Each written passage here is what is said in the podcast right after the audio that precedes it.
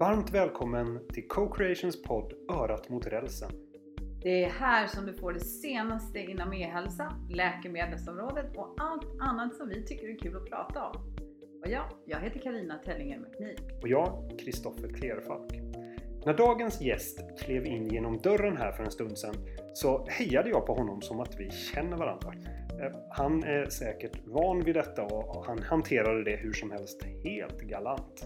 Han är verkligen en person som har lätt att prata med vem som helst. Oavsett om det är, han står i valstugan på torget eller om man står framför hundratals höga potentater.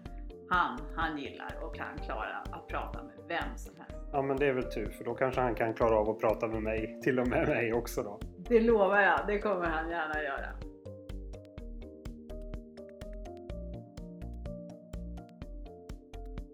Det var lite av ett magiskt fenomen under Almedalsveckan när du dök upp på scen var jag än gick. Daniel Forslund, eh, välkommen hit. Tack så mycket. Hur lyckades du vara överallt samtidigt? Är det en sån här superhjälteegenskap som man tillägnar sig som innovationslandstingsråd?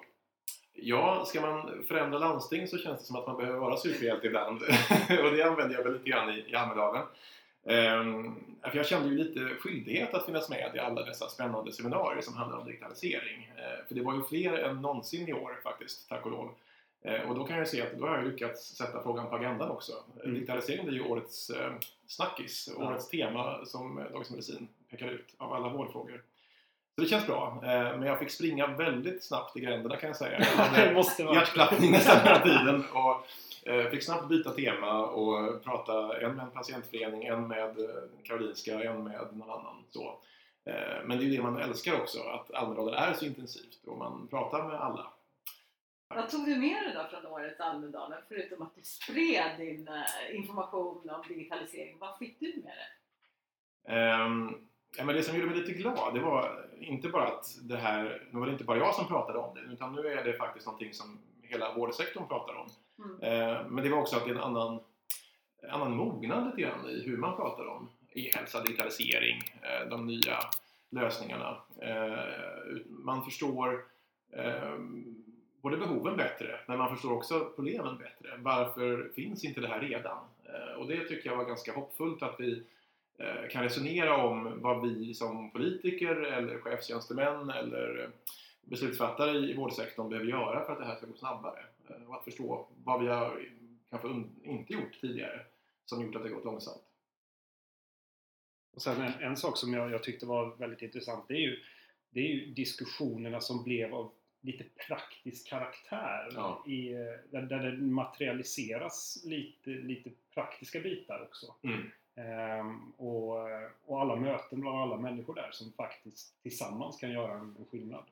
Jo, men jag kommer alltid hem med en, en ny agenda för hösten på något Mm. sätt. För Almedalen blir dels någon slags urladdning för hela vårens arbete. Att nu får man äntligen prata om allt man har åstadkommit på hemmaplan. Nu, nu stod jag och kunde verkligen inspirera andra hoppades jag också Mm. från, Mm. med det som vi hade gjort i SLL. Eh, Nu har vi ju faktiskt haft ett antal historiska beslut som i att modernisera landstinget med teknikens hjälp eller ta bort ett antal stora hinder. Och då kunde jag berätta eh, om det för andra landstingspolitiker eller andra myndigheter som förstår att men nu rör vi oss framåt och skapa lite hopp. Eh, Men också få med mig många idéer hem vad som vi inte har gjort än eller en liten sån här second opinion på det vi gör genom de debatter man deltar i. Så att, Mm. eh, där är ju Almedalen i sitt esse verkligen när man kan både ge till andra men också få med sig så mycket hem som är så spännande. Och de här oväntade mötena med aktörer man inte ens vet finns. Som man, som man springer på i en gränd någonstans. Ja, men exakt. Jag fastnade ju med någon, i någon gränd som idag Som materialiserats till ett jättekul samarbete Ja, som vi inte Ja. såg eh, skulle kunna komma. Jag träffade dig på en buss tillbaka från Ja. en middag. Sådär, Ja, på- man pratar ju alltid med alla möjliga människor som man inte ens väntar sig att man ska träffa. Mm. Ehm, och det, det enda jag känner när man har mycket att göra och står på scen hela tiden. Jag hade 34 kalenderbokningar varav typ 22 var på scen. Ehm, då hinner man ju inte ens de här spontana mötena ibland och det kan man vara lite frustrerad över. för Man vill verkligen... För det tyckte jag var en stor grej. Jag hade en tom kalender när jag åkte dit. Ja. Och sen så fyllde jag den under veckan. Så det var, det var, det var Ja, det nog jäkligt roligt. Nej, det är inga problem. Ja, kära lyssnare. Ni lyssnar på Co-Creations podd Örat mot rälsen. Eh, idag så pratar jag och Karina Tellinger McNeil tillsammans med Daniel Forslund som är innovationslandstingsråd i Stockholm. Daniel är som vanligt Eh, välklädd. Eh, han hade ett par riktigt välputsade skor. Det är sånt jag tycker är grymt. Viktigt, bra, snyggt. Men Daniel, vad har du gjort på jobbet idag? Ja, men det har varit en sån där intensiv dag när man sitter i möten nästan hela tiden. Eh, jag hade en väldigt inspirerande start på dagen eh, där vi pratade om eh, värdet av digitalisering i vården. Det kom Mm. en rapport från McKinsey innan sommaren, talar man om Almedalen, eh, som vi nu försökte följa upp. En, där de bjöd in en stor krets av personer som alltifrån Läkarförbundet till olika myndigheter och landsting som försökte prata om hur just vi når den där eh, nyttan eh, och vad, vad kan vi göra för att sätta fart på utvecklingen. Det var en bra start. Eh, och sen har jag haft en del interna möten. Vi håller på att rigga en ny innovationsstruktur i landstinget som jag hade möte med vår innovationschef. Eh, jag lunchade med en gammal departementskollega och pratade lite tankar framåt eh, när man ska omsätta den nationella e-hälsovisionen till något bra framåt, konkret, gå från vision till konkretion. Och sen innan jag kom hit precis så hade Hälso och sjukvårdsnämnden en sån liten planeringsdag, eh, en inspirationsdag. Och då var e-hälsa eh, i fokus. Mm. Eh, eh, Så då hade jag och Sara Riggare eh, en liten eh, intressant diskussion på, på scen eh, som modererades av Lena Furmark som är vår avdelningschef för e-hälsa. Mm. Och då hade vi lite fokus på just det här patientdelaktighet, hur patienten kan sätta tempot i, i vårdens e-hälsoutveckling. Eh, De väntar inte på att vi ska lösa det här långsamt i landstingen längre utan patienterna förväntar sig att vi ska vara mycket, mycket snabbare. Mm. Eh, Och det var en väldigt bra diskussion faktiskt som tror jag var lärorik för våra, eh, mina kollegor i, i, i landstinget att också vara med i på det sättet. Ja, kul. Man Kan en offentlig aktör vara så snabb? Eller bör en offentlig aktör vara snabbast? Vi behöver vara snabbare, ska vi vara. Ja. Men det kom faktiskt upp en sån fråga i den diskussionen. Man jämförde med eh, den gamla skivindustrin som eh, jag vet, kämpade med näbbar och klor för att vi skulle fortsätta köpa CD-skivor. Istället för att använda nedladdning eller Spotify och streamat och annat eh, smart. Eh, och det var ju inte skivbranschen som drev digitaliseringen av skivindustrin eller musikindustrin. Eh, man vill ha kvar det gamla mediet och då kan man väl konstatera att landstinget kommer inte vara den som springer, springer snabbast i den här utvecklingen. Det ser vi bara nu med spännande entreprenörer som utmanar oss hela tiden med häftiga lösningar. Men eh, vi ska heller inte vara de som bromsar för mycket. Vi ska inte vara de som kämpar med näbbar och klor mot den utvecklingen. Vi ska bejaka den och släppa fram den och ta bort hindren för den utvecklingen. Och det, där har vi en väldigt viktig roll att inte vara eh, en motpart till det här. Utan vi ska Nej. vara som en medpart i den förändring som I, i farten. Ja, exakt. Du Carina, vad tror du om att ta ut pizzan Ja, som jag är tror det. Det För att vi sitter i. Carina Tellinger McNeils eh, eh, kök här och nu är den hemgjorda pizzan klar som vi ska, som vi ska inmundiga. Eh, så vi, vi, ja, vi kommer alldeles eh, strax tillbaka. Eh, ha det så gott så länge. Sådär, det smakar alldeles utmärkt. Eh, men, men hörde ni, eh, det här med E-hälsomyndighetens flytt. Karina, vad är det första? För Daniel har nämligen mat i munnen så då måste Karina prata. vad är det första ni tänker på när jag säger E-hälsomyndigheten? Jag tänker på Kalmar. Mm. Jag tänker på recept förstås. Mm. Jag tänker på hur, vilken utmaning det är för Torsten Håkansson nu att eh, kunna bibehålla den kvalitet som ändå förväntas utav dem att eh, leverera när det gäller recepthanteringen elektroniskt eftersom det är ju apoteksaktörerna är ju helt beroende utav och vi, vi här i samhället Sverige. är ja, Sverige Ja, är beroende utav så att Verkligen. Sen har jag ju, skulle man ju gärna vilja varit en fluga på väggen när det här beslutet togs. Vad var argumenten för att just Kalmar? Jag har, Jag inte togs beslutet för att gynna e-hälsoutvecklingen kan man ju säga. Det här togs bara för att möjligtvis gynna Kalmar på sikt. Men, men det, jag tycker det är djupt tragiskt att man inte eh, ser till, till, till sakfrågan utan man sätter andra frågor före. Här får regionalpolitiken styra utvecklingen istället. Och det kommer drabba, tror jag, e-hälsoutvecklingen ganska kraftigt tyvärr. Det, det känns inte särskilt bra. en fundering som jag har det är ju, kan det bli en positioneringsförflyttning i samband med det här? Att landstingen måste kliva fram på ett kanske lite annat sätt och, och ta ledartröjan nu? Ja, det tror jag. För vi kan ju inte vänta på att eh, myndigheten ska komma ur, ur en flyttfas. För nu flyttar man fokus från utveckling till avveckling och flytt snarare. Liksom. Och det, det kommer ta flera år för dem. Eh, När Riksrevisionen granskar de tidigare flyttarna av Folkhälsoinstitutet för tio år sedan, men det tog det nästan fyra år innan de var tillbaka på någorlunda samma nivå som de hade med kompetens med eh, både medarbetare och, vilken politik man kunde driva. Och risken är att samma sak händer med E-hälsomyndigheten. För det här är personal som är svåra att rekrytera i Stockholm. De blir inte lättare att hitta i Kalmar kan man säga. Mm. Så att jag tror att vi från landstingens sida behöver steppa upp och förstå att staten kommer inte kunna ta kanske en, en tydlig roll på e-hälsoområdet på ett tag. Eh, och då måste vi kanske gå, gå samman och göra en hel del själva. Eh, vi har ju en process med, med Nera som blir ett SKL-ägt bolag nu mm. där vi får kanske lite andra, andra muskler att agera samfällt. Ehm, vi ser ju på eh, upphandlingssidan att, att landsting faktiskt nu formerar sig i ett antal grupperingar eh, för att utveckla det man har eller uppgradera det man har eller faktiskt upphandla helt nya typer av journalsystem till exempel. Eh, och där har, har vi ju kompromissat väldigt mycket nu bort gamla eh, låsningar som, som, som omöjliggjorde en, en sån här nära samarbete, samarbete kring våra kärnsystem, våra alltså, alltså, arbetsprocesser, hur vi ställer krav och hur vi, hur vi jobbar i vården kopplat till teknik. Eh, så det är en väldigt stor förändring faktiskt. Redan. Blir, det inte, blir det inte stökigt om E-hälsomyndigheten har ett antal direktiv mm. som de ska... Eh, det är samordningsuppdrag och det är utredningar ja. och sådär om de helt plötsligt inte eh, sker i den takten så kommer någon annan ta ledartröjan och så kommer det kanske bli rörigt. Ja, och det är väl den största kritiken mot e-hälsoområdet, eh, att det är rörigt just nu. Det finns mm. ingen samlande kraft, det finns inget eh, bord att gå till med sina problem för att diskutera det med ledningspersoner från alla delar av sektorn. Eh, och det var väl förhoppningen att just E-hälsomyndigheten skulle stå för den typen av, av samordning, att vara den ingången vi hade i staten när det handlar om att driva ut, utvecklingsfrågor kring e-hälsa.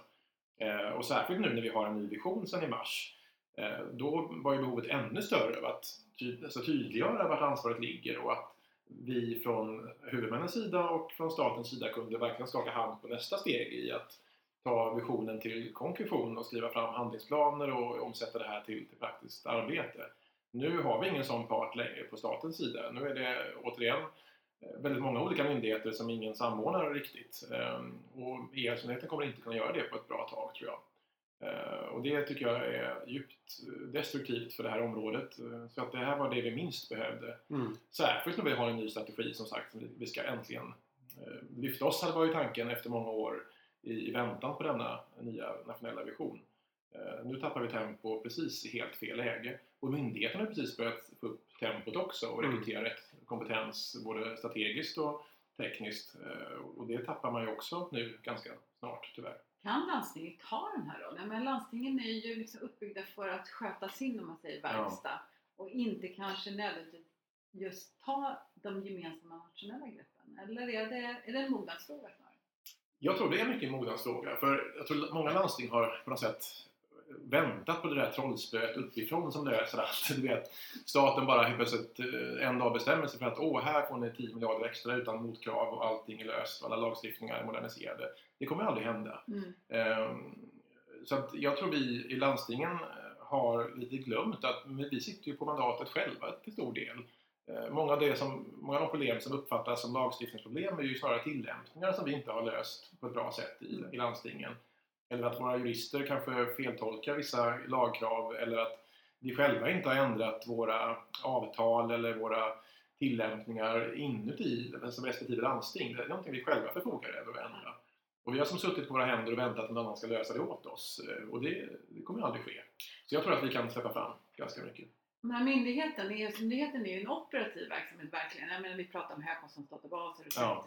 databasen och så vidare. Um, Ställer ni något motkrav eller krav på dem nu? Att den operativa delen inte ska göra att eh, ni får inom vården negativa effekter av den här flytten? Och i sådana fall, vem skulle ni ställa ja. kraven till? Ja, landstingen har väl inte agerat samlat än kan jag inte säga, men, men politiskt har vi ju agerat från, från Liberalernas sida. Som jag är väldigt bekymrad. Jag har också pratat med Barbro Westerholm i riksdagen om detta. För hon är mm. väldigt orolig kring, kring eh, de här riktiga samhällsuppdragen som, som myndigheten har kring, kring receptregister och annat. Som det faktiskt nu finns en risk för att man inte bara tappar utvecklingskraften utan också kanske driftsäkerheten hotas eh, på sikt. Ehm, och där har vi eh, i en riksdagsfråga till Gabriel Wikström ställt just de frågorna kring konsekvensanalysen. Har man, har man verkligen tittat på riskerna för landstingen, för hela vården, om inte de här registren fungerar? Eller de här eh, e-tjänsterna de erbjuder med e-recept och annat, eh, om inte det fungerar. Vi vet vad varje minut nertid betyder för Mm. vården. Det är destruktivt för både apotek och för sjukvård. Eh, I en Kanske sån här dags att gå- flyttprocess. Att gå ihop med apoteksaktörerna i den här frågan. Egentligen. Ni, Vi är ju lika Ja. berörda Mm. båda två. mm, Så det, det tycker jag vi borde göra faktiskt. Ehm, Och ställa krav mot, mot regeringen att de får eh, se till att hålla oss skadesfria i en sån här process som då är framtvingad av regeringen av oklara skäl. Ja. Förutom att det blir kompis med vännerna Kalmar. Men jag, jag har ju ändå, jag har ändå lite, lite förhoppning om att, att, man kommer, att man kommer lyckas liksom att, att backa hem och, och se till att de befintliga tjänsterna fungerar. Mm. Och att man får det liksom att, att flyga. Men det jag är, är riktigt orolig för det är att hur ska man kunna i det ha tillräckligt med Nej. resurser att, Nej. lyfta sig. Det det. För man ska ju ligga i spetsen Precis. Där det gäller innovation och digitalisering. Där ska, man, där ska E-hälsomyndigheten i min värld finnas. Ja. I spetsen. Och dra de andra framför sig Exakt, det ska Säger som en- världsbäst på e-hälsa, Ja. då, då är det ett vara commitment som en, en, en plog som går Ja. först. Liksom. En, en, en, en, Vi kan inte tro att andra myndigheter tar den rollen att dra hela staten och huvudmännen framför sig på något Då sätt. måste de andra myndigheterna få det uppdraget. Ja, och det har de inte fått. Eh, Så att det, det jag är rädd för när då E-myndigheten ska lägga all kraft på att omförhandla eh, nyingångna hyresavtal i Stockholm och försöka behålla personal desperat som inte ska sluta idag utan vara kvar ett år till eller två år till. eh, Då har man ingen kraft till utvecklingen. Man kanske möjligtvis kan hålla igång de tjänster man har idag men utvecklingskraften till de nya tjänsterna eller förbättra de som finns eller att just vara den eh, som lokomotiv i utveckling som vi Mm. hoppades, som kan ploga för andra. Det tror jag inte de kommer ha energi till. Och även medarbetare, det är ju mänskligt också. Alltså om jag jobbar i en myndighet som eh, där jag snart ska sluta, eller jag vill inte flytta till, flytta till Kalmar, ja, men då tappar jag energin själv naturligtvis och vill inte utveckla min verksamhet för den ska ju snart avvecklas. Och då, man vet ju själv hur man, när man ska byta jobb, ja, men då tappar jag lite fokus på det som är Mm. fr- framför mig. Men kära lyssnare är det ju också så att Daniel är ju politiskt aktiv så det finns ju en, en laddning i det här också. Absolut. Så, men, men Vad rent om säger man tittar... eh, kompisarna i Kalmar, dina liberalkompisar? Hur är de? Jag har pratat med dem lite grann och de eh, tycker naturligtvis allt som är bra för Kalmar är bra för, för världen. Så. Men, men, men de, de förstår ju också den här problematiken eh, kring eh, alltså digitaliseringen av vården. Det krävs ansvariga myndigheter som har sakkompetens och de är också rädda för att det kommer att vara ett glapp naturligtvis. Mm. För Kalmar får ju dåligt rykte om myndigheten för en dålig start naturligtvis. Mm. Eh, Då blir det ingen lyft för Kalmar heller, så det, det har man ju full förståelse för. Mm. Sen är de lokalpatrioter som andra. Och det här är ju inte, jag, är, jag, jag är ju inte negativ till det här för att jag är, tycker illa om Kalmar. Kalmar är en väldigt trevlig stad. Men, men jag tycker liksom idén om att flytta en fungerande verksamhet bara av skäl som inte riktigt kan motiveras av Jag diskuterade med en, en bekant eh, från, från England nu och han sa så här bara, vi skulle ju ha bekymmer i London att hitta den här spetskompetensen Ja, för att driva en Mm. enhet, en myndighet som ska vara spjutspets inom e-hälsa. Det, är- det, är- det är svårrekryterad personal och det Ja. måste vara svårt i Stockholm att rekrytera det. Och jag bara, ja, Och det är precis och vad det är det då i Kalmar som ligger, ligger faktiskt infrastrukturellt en, en bra bit bort? Ja. Du kan inte pendla över dagen, du kan inte resa. Och det märkliga är att regeringen då, eh, man skapade precis en ny eh, upphandlingsmyndighet där man motiverar att den ska finnas i Stockholm för där finns det minsann specialkompetens som måste finnas här. Och jag kan säga att det är mycket lättare att hitta upphandlingsregister än att hitta som systemtekniker eller e-hälsospecialister som, som eh, E-hälsomyndigheten behöver. Men, men, men om man, titt- man zoomar ut lite grann. Det enda vi kan göra är ju att hjälpa till så mycket vi kan från alla håll och kanter, alla, för att Sverige inte ska tappa tempo. Så vi får Nej. göra det bästa vi kan av. Absolut. Liksom. Nej, men jag blir upprörd för den här, av den här flytten, eh, både av sakskäl och partiskäl. Så, men det finns ju inga partitaktiska skäl för mig att sätta dit regeringen. För jag, jag vill att det här ska gå bra, alltså för e-hälsoområdet. Och Mm. då får vi göra flytten så bra den går. Men jag vill ju gärna att regeringen backar här, för Mm. de ska ju se till, till sakfrågans utveckling. Och de behöver också en myndighet som kan utveckla den här frågan. Eh, och då får vi se till att göra det bästa möjliga. Men som sagt, jag tror att vi från både apotek och från vårdgivare ska kräva en konsekvensanalys eh, så att regeringen också ger resurser i så fall till, till myn- myndigheten att kunna överbrygga en sån här flytt. Eh, Sen hoppas jag att den aldrig sker, men det, Det verkar inte... Nej, men det, det måste ju finnas medel att göra den bra. Så bra som möjligt. Alltså, det, är ju, det är en ansvarsfråga. Man måste, man måste få medel att göra det så bra det bara går. Ja, Verkligen. precis. Eh, men eh, nu är det nog dags lite grann för den, den personliga frågan som vi ställer varje gäst. Eh, varför blev du politiker? Ja, det kan man ju fråga sig. Ehm, men jag har jobbat med de här frågorna väldigt länge som opolitisk tjänsteman i, i staten, både på Socialdepartementet och på, på Vinnova i många år. Eh, Och jag kunde verkligen skapa förändring kände jag som, som tjänsteman och eh, sätta policies, jag kunde samla aktörerna, eh, jag kunde verkligen eh, skapa förändring eh, och ställa upp sånt som inte någon hade kanske gjort på tjänstemannasidan heller. Vi, jag var ju med i både processer med den, den patientdatalag som kom fram 2008 Eh, jag var med och koordinerade hela processen med den första IT-strategin för vården. Eh, Och det var fantastiskt kul. Men jag kände vid en punkt att eh, det krävs någonting mera. Eh, Och jag såg också en brist på, på landstingssidan, att det var väldigt få eh, landstingspolitiker som, som kunde de här frågorna eller som var ens var engagerade i frågorna.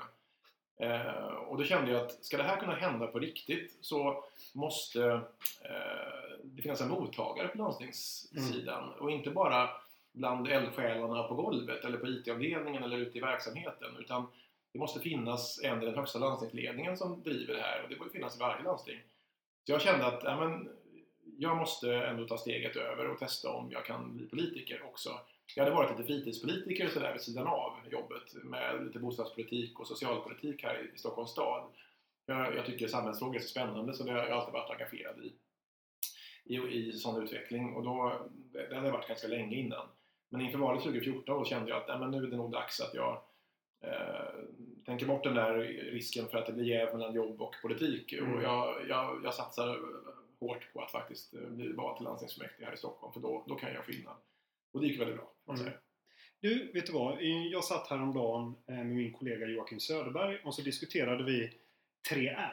Ja, Mm. Och det här tycker vi är väldigt intressant och vi spekulerar lite grann om Finns det en möjlighet eller är det, är det en utopisk möjlighet eller finns det en möjlighet att bygga ett öppet datalager där man sen lägger på innovativa tjänster och appar mm. eh, med bra API så att det känns som man bara jobbar i ett enda stort vackert journalsystem.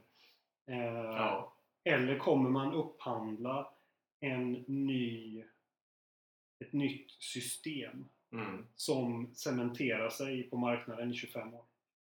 Det är min fråga. Ja, och då är ju svaret att vi hoppas uppnå det där första utopiska eh, och komma så nära den där utopiska drömbilden som det bara går. Eh, och det kommer vi naturligtvis inte nå ända fram, tror inte jag. Det, har man högt flygande mål så når man kanske en bra bit på vägen, men kanske inte ända fram. Eh, men jag tror att vi måste sikta så pass högt. Eh, för jag vill inte hamna i en sån situation där vi låser in vården ytterligare 20-25 år som du Mm. säger. För det är, där, det är så gamla våra gamla system, eller Mm. nuvarande system är.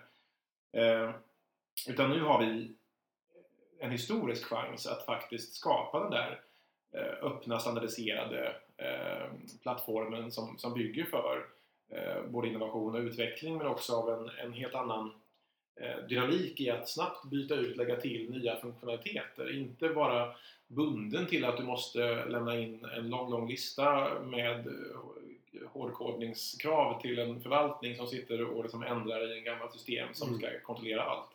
Eh, Det funkade kanske för- för 90-talets tekniska utvecklingstakt. Det funkar inte för dagens eller morgondagens utvecklingstakt. Eh, Och lika lite som att vi har, om du köper en ny telefon, ja, inte får du alla appar förinstallerade, sen kan inte du ändra dem på flera år. eh, Utan du byter ut och lägger till de apparna som du vill ha Mm. utifrån vilken situation du befinner dig i. Eh, Samma sak som man tänker i vården framåt, att vi ska ha en sån standardiserad plattform så att eh, jag kan tanka ner datan till ett ställe, jag kan ha appar som, som stödjer mig om jag är i London och letar efter någon adress och eh, hittar tunnelbanan, ja, men då har jag särskilda appar Mm. för det kanske. Eller jag, i vården så har jag medicinska appar som hjälper mig med något annat. Eh, och du måste ha en flexibilitet där som, som inte finns idag. Så att vi i 3R siktar ju verkligen eh, mot den öppenheten. Och jag ska inte säga att det kommer vara enkelt. Det, vi har inte ens den kompetensen att Eh, vad ska säga, drifta en sån öppen teknisk, en tekniskt öppen innovationsplattform liksom för framtidens informationsmiljö. Den finns inte den kompetensen hos oss, hos någon skulle jag säga. Nu kom jag på en sak. Eh, för, för övrigt så lyssnar du på Co-Creations podd Örat mot rälsen. Och eh, det är här vi diskuterar det senaste om det senaste inom e-hälsa och läkemedel. Men vi måste ju också berätta vad 3R är för någonting. Ja, just det. Man kan inte bara säga en förkortning som vi är Nej. jättebra på i vården och sen säger man inte mer. Nej. 3R står ju för de tre stora regionerna i Sverige. Stockholm, Västra Götaland och Skåne. Eh, Och det här samarbetet började 2014 kan man väl säga på riktigt. eh, När vi insåg att eh, vi har precis samma akuta behov av att eh, skrota våra nuvarande eh, journalsystem och stödsystem och skapa någonting nytt och modernt. Eh, Och då kom vi fram till att ja, det vore inte ganska smart att göra det för en gångs skull tillsammans när vi ändå Mm. ligger i fas. Att vi måste eh, få in någonting nytt ganska snart. Hur kommer det sig att det inte gick ihop med de övriga landstingen då? Jag på tal om utopier så är väl det den största utopin att eh, alla 21 skulle enas om en process. Det kommer nog inte riktigt någonsin kunna hända tror jag. Vi har så olika behov, vi har olika befolkningsmängd, vi har olika ekonomiska förutsättningar och vi har olika tekniska status på våra system. Men jag tror också det vore destruktivt av ett annat skäl och det är ju att vi då kanske riskerar att skapa ett ännu större monopolsystem om man tror att all, hela Sverige ska upphandla ett system. Då tror jag då är man lite ute på fel håll. Eh, Men det, vi, det jag hoppas vi kan göra, alla landsting tillsammans, det är ju att lägga den här eh, gemensamma grunden av informatik och semantik och standarder rent tekniskt som gör Kanske att också lagring av data. Även om inte apparna blir samma överallt så skulle Så kan lagringen vara samma, Ja. absolut. Eh, I alla fall följa samma, samma logik. För då är Eh. fortfarande samma, det är jag som patient, Mm. det är mig som är jag är inte olika om jag åker till olika landsting. Jag är fortfarande Ja, det tror ju landstingen i och med att vi har helt olika regelverk. Ja, och annat. Nej, men det, det, det är sant och jag tror att det här blir början på en sån process. Alltså det, vi, vi får veta vilken historik vi, vi, vi släpar med oss som är inne i den här processen. Mhm. Och jag tror ju att Trier eh, och även SOSA-landstingets samarbete och Kosmiklandstingets samarbete nu faktiskt löser upp en del av de här gamla spänningarna. För nu är vi ändå i realiteten tre stora grupperingar som, som samarbetar både med varandra, eh, alla 21, men också då internt i de här mer operativa upphandlingsprocesserna och kravställningsprocesserna. Och där är vi ju, precis eh, på tal om din fråga Kristoffer, så har vi lagt väldigt mycket tid på att eh, tänka nytt och inte låsa oss vid, vid dagens stordatasystem och Mm. den 90-talsteknik som vi lever i.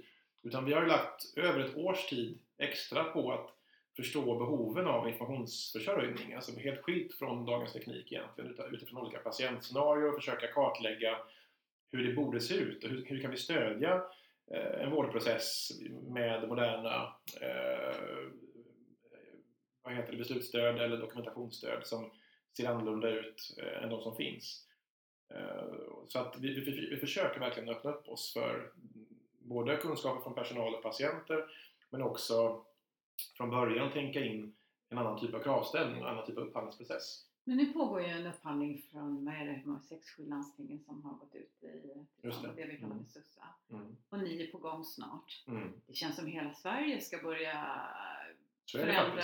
Ja. eh, Och kommer, jag läste någon rapport någonstans som sa att effektiv- effektiviteten inom ett eh, landsting Mm. påverkas väldigt stort när man gör sådana här stora systemförändringar. Ja. Kommer vi se en situation i Sverige där liksom hela vården, att det inte stannar men i alla Mm. fall blir under en, några år blir Det är ju jätteintressant för Ja. journalsystemet låg ju nere i, i Uppsala. Uppsala, flera dagar. Mm. Eh, och eh, jag satt på en, eh, en lunch med en bekant som jobbar där och hon sa det, vi fick ju skriva mm. Papper. Ja, det är verkligen nödrutiner Och det, ja, det, var, det var verkligen, verkligen Mm. stökigt. Det var bara ett... eh, Mm. Man kan fråga sig om den här förändringen, om, om ett land klarar av det så många börjar göra sådana Mm. stora informationssystemsförändringar ungefär samtidigt. Ja. Ja, och bara stoppet i Uppsala visar väl att vi kan inte heller vänta och tro att det går bra med de system vi har. Eh, Vi har driftavbrott även i Stockholm och alla landsting har problem hela tiden. Mm. Eh, så våra nuvarande system sjunger på sista versen. Så att det värsta av allt vore att låta det bara rinna ut i sanden, eh, de här upphandlingarna och Sen har vi gamla system som sen till slut kraschar för de har kommit till, till vägs ände och då kan vi inte ens återskapa dem kanske, vad vet vi. Ehm, men visst kommer det bli jobbiga år. Eh, det blir jobbigt nu möjligtvis, men det allra jobbigaste blir när vi ska rulla ut de här systemen. För ser man på våra grannländer som har, är precis mitt uppe i eller har precis genomfört den här typen av stora eh, utrullningar av nya eh, journalsystem eller stödsystem. Eh, det tar väldigt mycket kraft från, från, eh, eh från verksamheten, det gör det.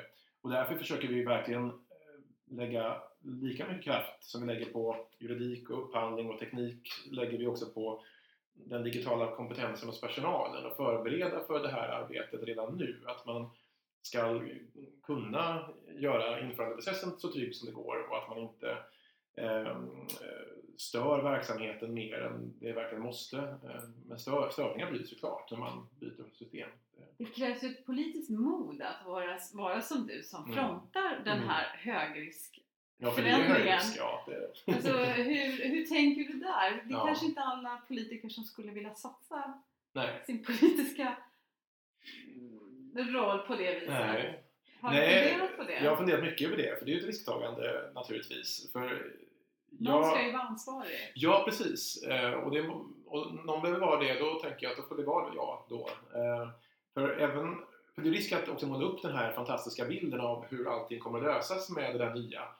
Eh, och att ett nytt angreppssätt ska faktiskt just bli så nytt som man hoppas på. Mm. och det kommer säkert inte hundraprocentigt infrias, det är väl det enda man är säker på. Att vi inte kommer ända fram. Dyrare.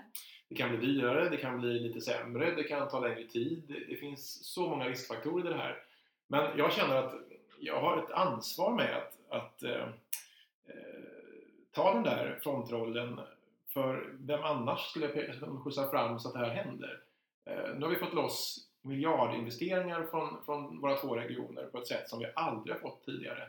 Eh, vi behöver lite politiskt mod tror jag här. Att ja, men, våga lova lite mera och sikta lite högre än att bara säga att vi gör en vanlig upphandling eller uppgraderar det vi har.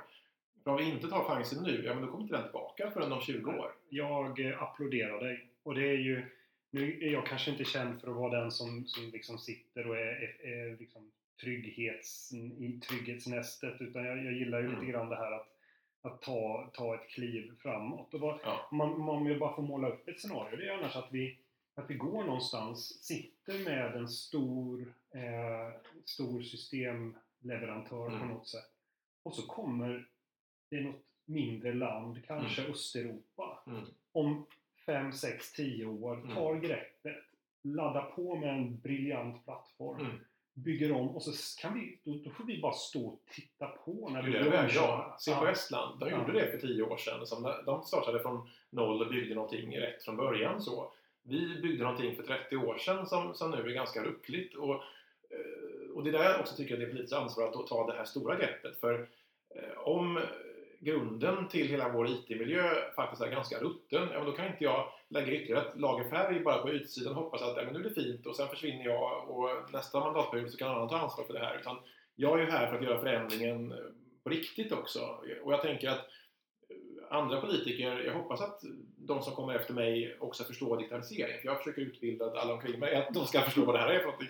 Men, men också, eh, jag vill göra förändringen nu. För nu finns det ett ett möjlighetens fönster att faktiskt agera. Det är ett slagläge nu. Det är, det. Det, är en styr, det är en svaghet som du är inne på Karina att man gör mycket samtidigt ja. över hela landet. Liksom. Men det är också ett slagläge att ta mm. nästa kliv. Absolut, mm. visst är det så. Det är ju helt nödvändigt. Det och göra en mer radikal förändring också. Man kan göra man bara småfixar i det gamla. För nu är alla i det läget att man måste faktiskt byta ganska, alltså hela principerna ska bort på något sätt. Men jag ser på den, menar, vi skriver om just det här mm. med att det ja, det är, man kommer inte till, till läkare eller det är mm. mycket mm. att göra på sjukhusen. Att om effektiviseringsvågen blir över hela landet, ja. hur, vad, hur kommer det påverka de patienter som behöver vård just då? Ja. Nej, och det har vi, vi kommer ha en väldigt försiktig utvecklingsplan där man stegvis för in det här systemet, ja. sjukhus för sjukhus, klinik för klinik. Eh, så det här ska ju vara en process som blir trygg för både patienter och personal såklart. Men som ja, sagt, men vi måste ju... systemet, det var lite intressant. Jo, men det här är lite... Förut pratade du om appar. Ja, ja, men jag brukar använda app som modellen för att förklara eller som just den här flexibiliteten. För, och det här är det svåra med 3R, för, Ja. för det innehåller egentligen två nivåer kan man säga av förändring. För dels behöver vi byta ut de system vi har idag, alltså att ersätta det som vi idag kallar journalsystem med något annat system som har samma funktionalitet. Förhoppningsvis lite smartare och som ger beslutsstöd för allt ifrån läkemedelsförskrivning till, till diagnos- diagnostisering. Men också eh, utöver att byta ut systemet också bygga en grundplattform som faktiskt möjliggör en snabbare förändring och att du kan docka in andra appar, legobitar omkring det systemet, byta ut, lägga till så ofta du vill. Eh, och det är väl det som jag tror man ska försöka beskriva i lite olika skeden här. Så akut behöver vi lösa ett systemproblem lite grann. Men vi ska bygga den processen så att vi samtidigt bygger fram den där öppna plattformen som andra system kan stå på.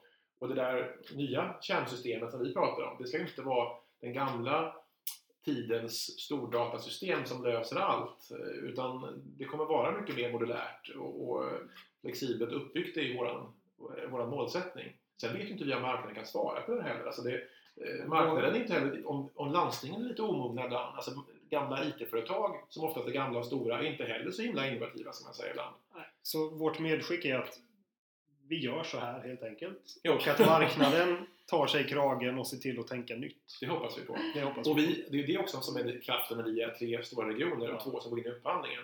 Eh, nu kan vi pusha marknaden framför oss. Vi har gjort det förr på medicintekniksidan från Stockholms sida. Nu kan vi göra det på IT-sidan också. Eh, Innan idag Karina så diskuterade vi lite grann det här med läkemedel och att det är en stor kostnadspott för, för landstingen. Ja, det är det ju. Det, jag har läst någonstans, eller fått reda på att eh, förutom personalkostnader är ju läkemedelskostnaden Gigantisk. Ja. Mm. den stora kostnadsposten för, för ett landsting.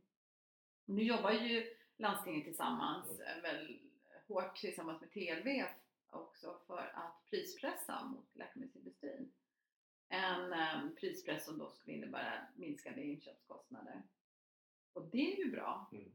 Samtidigt kan man ju fråga sig, behöver man köpa in, behövs alla de här läkemedlen egentligen som eh, ordineras? Mm. För det finns också andra studier som visar på att eh, riskkostnader, kvalitetsbristkostnader är Ja. lika stor som själva Medelskostnaden. läkemedelskostnaden. Så investerar man 100 kronor i ett läkemedels, läkemedelsprodukt så behöver man lägga lika mycket som, Mm. landsting i att, jag ska inte säga rätta upp, men i alla fall jobba Ja. med kvalitetsbristerna som, Ja. som en sån här läkemedelsbehandling kan ge. Ja. Och det handlar om att det kan vara fel kombinationer eller Mm. att man är Mm. under eller överförskrivning och så vidare. Och det är det här jag känner, det här är de stora pengarna här. Det är inte... Det är egentligen en jätteelefant Det är i väntrummen. Ja, precis. Liksom, Och hur jobbar man med dem? Och hur Mm. får man, eh, får man loss, frigör man de pengarna så att de inte behöver, att man, att inte Mm. behöver investera lika mycket som vi lägger på läkemedelsbehandling Nej. att- är att uh, fixa till Nej, det är märkligt. För jag, jag, jag håller helt med. För det som landstingen lägger energi på, eller vårdgivare världen över, det är att ge sig på eh, läkemedelsbolagen och tycka att prissättningen är fel. När, som du säger, en, en lika stor kostnad kanske då finns på vårdgivarsidan på grund av att man har dåliga beslutsstöd eller inte har kanske rätt information att fatta beslut på som förskrivare. Eh, eller att man inte jobbar bort de processer som är kanske är ganska dåliga. Eller bara dålig information till patienten om hur du ska medicinera när du kommer hem. Eller motivera patienten att följa sin Precis. behandling. Eller kan kanske samarbeta- samma sak. eller Man får inte ut effekten Nej exakt. Eller bara samarbeta med apoteken är bättre. Det Ja. finns massa sådana mentala barriärer Mm. mellan delar av sjukvårdssektorn Mm. där man inte teamar mellan eh, vårdgivare, apotek, patientorganisationer, läkemedelsindustri, andra som behöver vara med liksom, för att det här ska funka bättre. Eh, och därför tror jag det finns enormt stora vinster att, att, eh, att göra. Och att hela tiden använda eh, tekniken till hjälp också tror jag för att hantera en sån komplex materia som läkemedelsförskrivning. För där går också utvecklingen jättesnabbt med så mycket nya behandlingsmetoder eller terapier som inte vi kanske känner till heller på den lilla vårdcentralen eller på det stora sjukhuset heller för den delen. Och att få in den kunskapen snabbare också till vården. Där tror jag en ännu tajtare samarbete mellan, mellan oss och läkemedelsindustrin kan vara väldigt bra. Alltså, då får vi också en bättre introduktion av innovativa läkemedel till exempel. i- Jag blir så glad när någon annan säger samma sak. Det kanske blir lite sådär att ja, vi ska ju bjuda in en gäst som säger tvärt emot. Men, men i det här läget, jag blir, jag blir väldigt glad för jag ser ju verkligen att det finns kunskap om läkemedel Mm. där ute i, Ja, ja. olika, i olika zoner. Liksom. Och Att, att merga och slå ihop och koppla ihop det. det. Ja. Och sen då i nästa skede också stödja patienten att, att just följa de ordinationer man har fått och inte eh, av någon skrämselartikel du läste i tidningen, nej men nu ska jag inte, jag, nej jag ska inte ta den där. Jag, Mm. eh, Nu ska jag eh, ha virvlat vatten istället. Ja, men du vet, man får inte lämna patienten i sticket heller. För kunskap är ju makt och kunna eh, fatta beslut om sin egen hälsa och då behöver man ju det även på läkemedelssidan.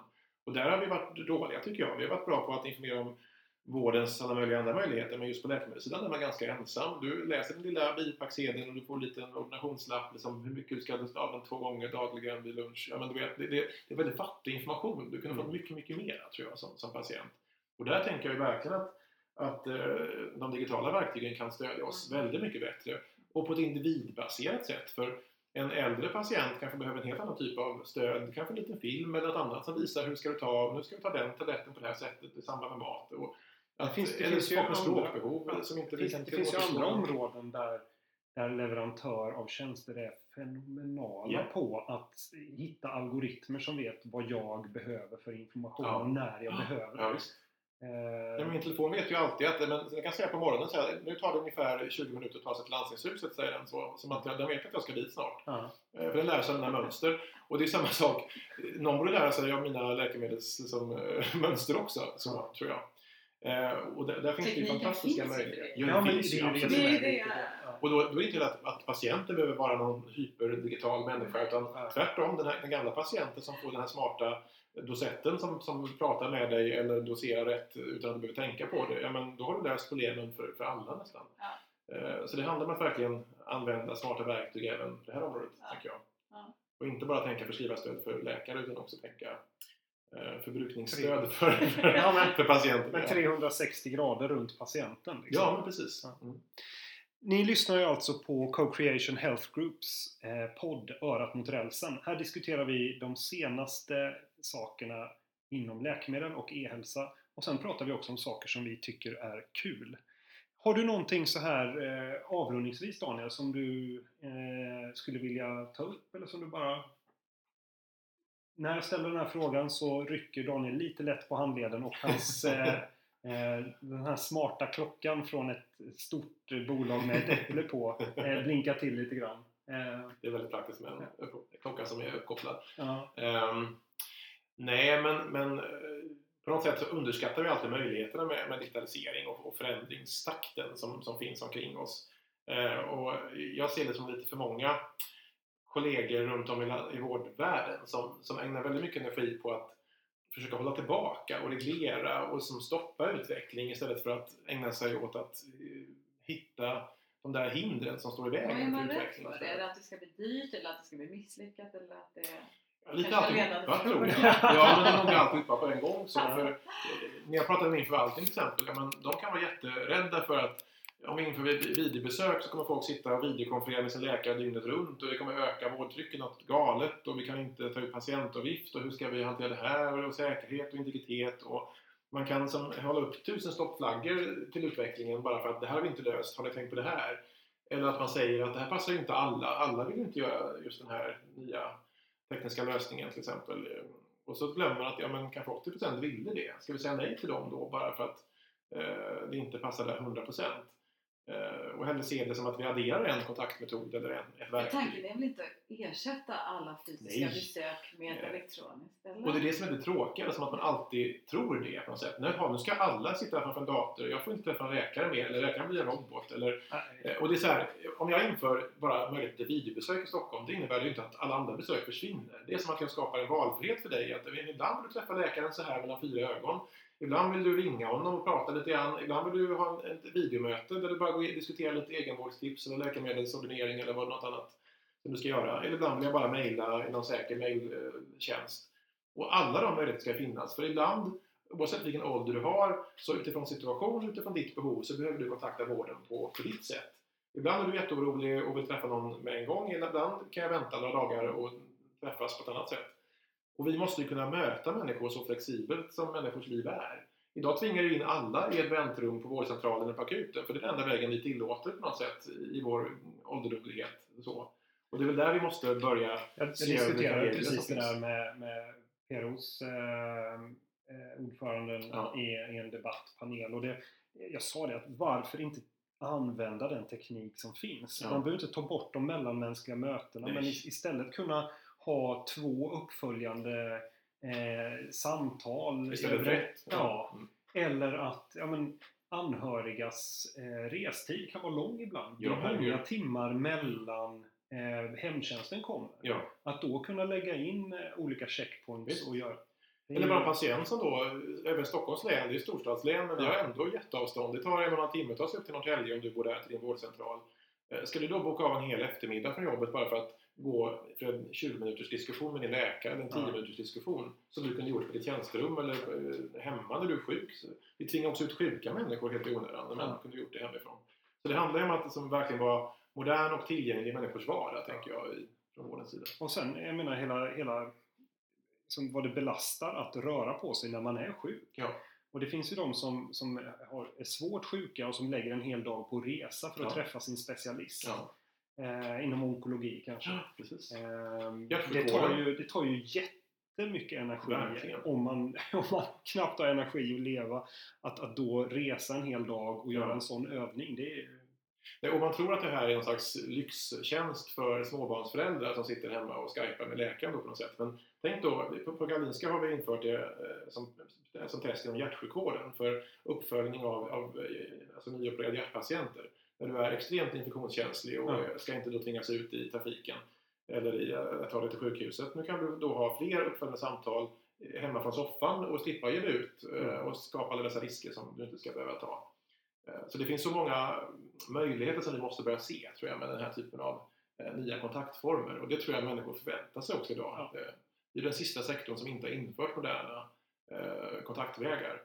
Herregud, alltså, Skatteverket har blivit Sveriges populäraste myndighet av alla myndigheter bara för att de har smarta e-tjänster. Ja, det är briljant. Ja, och vården borde också kunna bli det. Liksom. Idag, idag har man liksom lite överseende med vården för att vi, eh, det är sagt lite roligt att få lite brev ibland kanske. Från den sista breven man har i landstinget. Så. Det är ganska tragiskt i sig.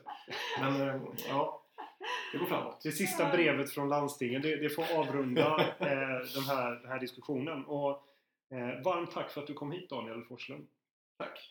Eh, vi kommer att eh, komma tillbaka eh, inom kort med en ny podd. Och är det så att du känner att åh, det här var intressant, det här gillade jag faktiskt.